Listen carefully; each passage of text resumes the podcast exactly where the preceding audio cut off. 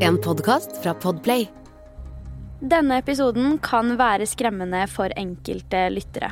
Om du er yngre eller sensitiv til drap, forsvinning eller beskrivelser rundt slike hendelser, så anbefaler vi at du lytter til episoden med noen du stoler på, eller skrur av.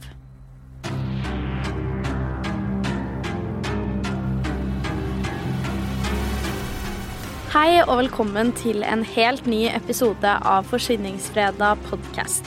I denne ukens episode skal jeg ta for meg en sak jeg har blitt fascinert av i lang, lang tid, og som er så absurd at det er på grensa til uforklarlig. Saken omhandler det som kalles The Silent Twins, og allerede i navnet så tipper jeg du skjønner at denne saken er veldig spesiell. Som alltid er jeg veldig interessert i å høre dine tanker og meninger om denne saken, så dersom du har noe du ønsker å dele, så må du mer enn gjerne sende meg en melding på Instagram, der jeg heter Forsvinningsfredag. Nå la meg fortelle deg hva som skjedde med tvillingene. Aller først må jeg fortelle deg hvem The Silent Twins er. De heter da Jennifer og June Gibbons. De to ble født i Barbados i 1963, mens de vokste opp i Wales. For å kunne sette oss enda litt bedre inn i saken, så er det viktig å få med et par ting. Disse jentene hadde begge mørk hudfarge, til forskjell for alle de andre de vokste opp med i Wales, og på denne tiden så var raseskille et veldig stort problem. Dette skulle både Jennifer og June merke hardt på kroppen, med en gang de flytta til Wales. Det er nemlig da de begynner å bli mobbet for hudfargen sin, og på et tidspunkt så ble det så ille at rektor på skolen de gikk på, ga dem tillatelse til å gå fem til ti minutter før alle de andre, slik at de skulle slippe en del av mobbingen som gjerne skjedde rett etter skoletid. Det er i sammenheng med dette at Jennifer og June endte opp med å finne på et språk som bare de to forsto. Og det er egentlig her historien virkelig begynner å bli spennende, men også merkelig. Språket de brukte sammen, ble faktisk kategorisert for å være det som heter kryptofasia. Før ble det fenomenet ansett å være ganske sjeldent, men i dag er det faktisk opp mot 40% av tvillinger i en viss alder som har utvikla det.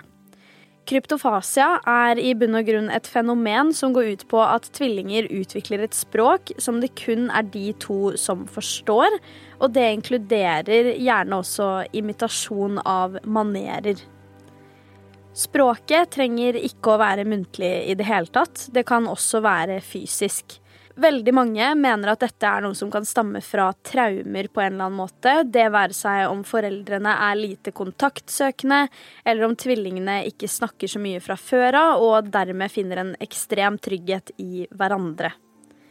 I dette tilfellet utvikla nok Jennifer og June dette språket som et resultat av mobbingen, men det som gjorde dette litt ekstra spesielt for folk rundt, var at de kommuniserte i det fysiske. De hadde så mange identiske bevegelser, og det kan du nok se for deg at folk selvfølgelig har plukka opp på. På et tidspunkt kommuniserte ikke Jennifer og June med noen andre enn hverandre og lillesøsteren deres, nemlig Rose. June har faktisk i ettertid forklart at dette egentlig starta som en måte å håndtere mobbingen på, men at det etter hvert føltes ut som noe de ikke klarte å komme seg ut av, og at de omtrent satt fast i denne bobla. Denne kommunikasjonen og problemene det medførte sosialt for jentene, gjorde at de ble plassert på to forskjellige skoler etter hvert, i håp om at det kanskje skulle hjelpe. Det var jo lett å tenke at de bare var redd for andre mennesker som et resultat av mobbingen, så nå håpa foreldrene at de skulle få hvert sitt sosiale nettverk i stedet. I stedet for å hjelpe fungerte dette med separate skoler i helt motsatt retning av hva de ønsket. Jennifer og June fikk nemlig begge en kraftig reaksjon. De begge to isolerte seg enda mer, trakk seg helt tilbake sosialt og lekte med dukkene sine etter skoletid, begge to. Jentene var generelt veldig kreative, så de elska dette skuespillet, i tillegg til at de begge begynte å skrive litteratur etter hvert. I tiden de var fra hverandre, hadde Jennifer og June noe som kaltes katatonisk oppførsel. Dette er Store norske leksikon sin forklaring på hva det er. Katatoni er en form for forstyrret atferd hvor personen i perioder kan være ubevegelig og stivne i ulike posisjoner i flere timer. I en slik periode responderer ikke personen på samtaler med andre. Disse tilstivnede kroppsholdningene beholdes gjerne selv om andre forsøker å endre dem. Til jul et år fikk begge tvillingene hver sin røde dagbok i lær. De begge brukte disse dagbøkene til mye forskjellig, da de brukte dem både som en klassisk dagbok, men også til å skrive dikt, litteratur og lignende. Jeg skal lese et par utdrag fra begge dagbøkene, men før det så må jeg gi deg litt kontekst, slik at det er litt lettere å forstå disse utdragene. Så June ble født ti minutter før Jennifer, og selv om dette her kanskje høres litt rart ut, så var dette noe Jennifer følte ekstremt mye på, og det resulterte i at hun anså alt som en konkurranse. Det kunne være alt fra at hun syntes June var penere, kulere, mer talentfull, mer kreativ og lignende. Jennifer har også forklart June som hennes skygge, altså at Jennifer ikke kommer i lyset fordi June kommer foran henne. Etter hvert begynte også June å skjønne at Jennifer var veldig sjalu, og at hun anså absolutt alt de gjorde som en konkurranse for å være bedre. Til tross for at de da utvikla dette hemmelige språket, og at det på mange måter var dem to mot verden, så utvikla de begge to et sterkt hat mot hverandre som et resultat av sjalusien fra Jennifer sin side. Nå som vi har litt kontekst, la meg gi deg et utdrag fra hver dagbok. Vi starter da med June. Dette er utdraget oversatt til norsk. Hun vil at vi skal være likestilt. Det er et morderisk glimt i øyet hennes. Kjære Gud, jeg er redd for henne. Hun er ikke normal. Noen driver henne til vanvidd. Det er meg. Så har vi utdraget fra Jennifer sin dagbok, oversatt til norsk. Vi har blitt fatale fiender i hverandres øyne. Vi føler den irriterende, dødelige økningen stige i kroppene våre og svi hverandres hud. Jeg sier til meg selv, kan jeg bli kvitt min egen skygge? Umulig, eller mulig. Uten skyggen min ville jeg dødd. Uten skyggen min ville jeg fått mer liv, være fri eller forlatt til å dø. Uten skyggen min, som jeg definerer med elendighet, bedrag og mord.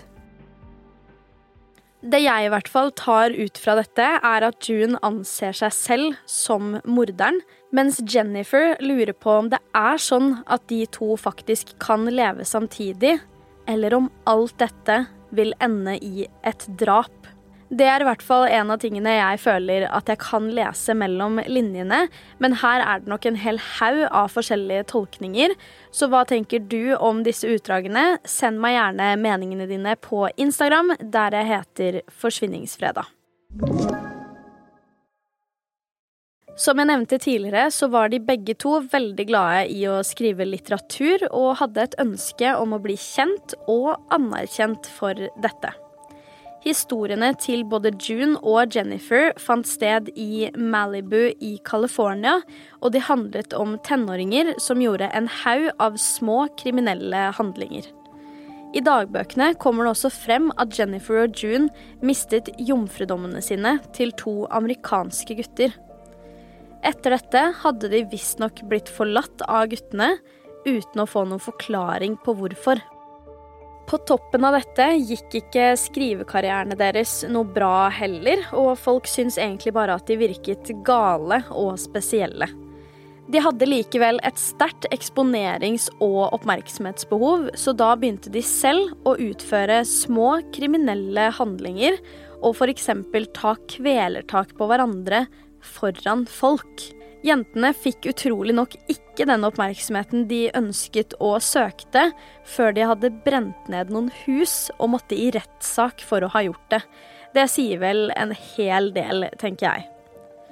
For dette tilfellet ender de opp med å bli vurdert til å være utilregnelige i gjerningsøyeblikket begge to, og blir dermed dømt til tvungen psykisk helsevern i stedet for fengsel. De ender da opp med å bli lagt inn på et høysikkerhets mentalsykehus, og der skal de faktisk bli sittende i tolv år. Lenge mente June at alt dette handlet om at de ikke sa noe særlig, og at det er derfor de ble plassert på et mentalsykehus. Mer spesifikt så har hun sagt følgende. Ungdomskriminelle får to år i fengsel. Vi fikk tolv år fordi vi ikke prata. Vi mista håpet. Jeg skrev et brev til dronningen hvor jeg spurte om hun kunne få oss sluppet ut, men vi var fanget der. En ting som virkelig gir meg gåsehud i denne saken, er det faktum at disse jentene ble plassert så langt fra hverandre som du kan tenke deg på dette mentalsykehuset. De ble plassert på hver sin avdeling i hver sin etasje og i hver sin ende av sykehuset, men likevel hadde de helt lik oppførsel. F.eks. stivna de til i nøyaktig like posisjoner på nøyaktig samme tidspunkt. Altså, hvordan i all verden er det fysisk mulig? Etter hvert skjedde det også litt andre ting som sykepleierne bemerka seg. Den ene dagen kunne f.eks. den ene tvillingen spise helt vanvittige mengder mat, og da var det bare å forvente seg at den andre tvillingen sulta seg. Dette rullerte de også på, som er helt utrolig spesielt når de igjen ikke kan se eller høre hverandre. Etter hvert ble jentene flytta til et annet sykehus som ikke var høysikkerhet. Dette var fordi sykepleierne konkluderte med at jentene ikke var farlige for hverandre eller andre, og at de rett og slett bare slet veldig. Rundt denne tiden ble også tvillingene oppdaget av journalist og skuespiller Marjorie Wallace. Hun ble veldig fascinert av dem og ønska derfor å skrive en biografi om tvillingene og lære mer om hvordan dette fenomenet fungerte. Både June og Jennifer endte også opp med å bli gode venner med Marjorie, som jeg tror vil si at de må ha kommunisert med henne. Det er jo litt spesielt å tenke på at hun i så fall er den eneste personen utenom søsteren deres Rose som tvillingene har ønsket å kommunisere med. Da jentene blir 31 år gamle, skal de flyttes til enda et nytt sykehus men rett før det kom Marjorie på besøk til institusjonen de var innlagt på. De hadde da tatt en kopp te, og etter hvert hadde Jennifer kommet med en ganske ekkel kommentar til Marjorie. Hun hadde da sett henne dypt inn i øynene og sagt Marjorie, Marjorie, I will have to die. Hvorpå Marjorie selvfølgelig spør hvorfor. Svaret hennes er jeg sikker på at du vil få gåsehud av å høre, for Jennifer svarer nemlig da fordi vi har bestemt det. I mars 1993 skal jentene bli flytta til den nye institusjonen. På vei til institusjonen ble Jennifer skikkelig dårlig og raskt hasta til et sykehus. Her ble hun kort tid senere erklært død. En ting som er skikkelig creepy med det her, er at obduksjonsrapporten viste at Jennifer døde av naturlige årsaker, men at hjertet hennes hadde hovnet opp. Ingenting tilsa at dette var et drap, eller at hun på noen måte hadde gjort dette frivillig. I denne bilturen har June i etterkant forklart at Jennifer la seg på skulderen hennes og sa 'Jeg skal dø nå' før hun kort tid senere hadde sovnet inn med øynene åpne. I ettertid er det jo også veldig spesielt å se at livet til June det gikk videre som om ingenting hadde skjedd, og som om det var helt riktig at Jennifer måtte dø for at hun skulle ha et fint liv videre. June har nemlig levd et helt vanlig og fint liv etter at tvillingsøsteren hennes døde, selv om alt skulle tilsi i forkant at June skulle ha drept søsteren sin. For meg gir denne saken altfor lite mening, så dette her må vi definitivt diskutere videre på Instagram.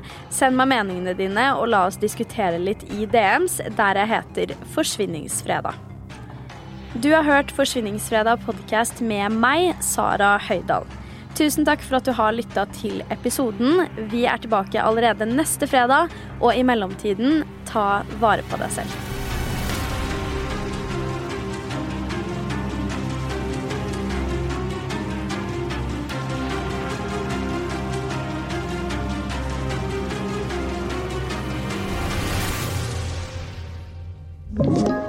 Du har hørt en podkast fra Podplay. En enklere måte å høre podkast på. Last ned appen Podplay eller se podplay.no.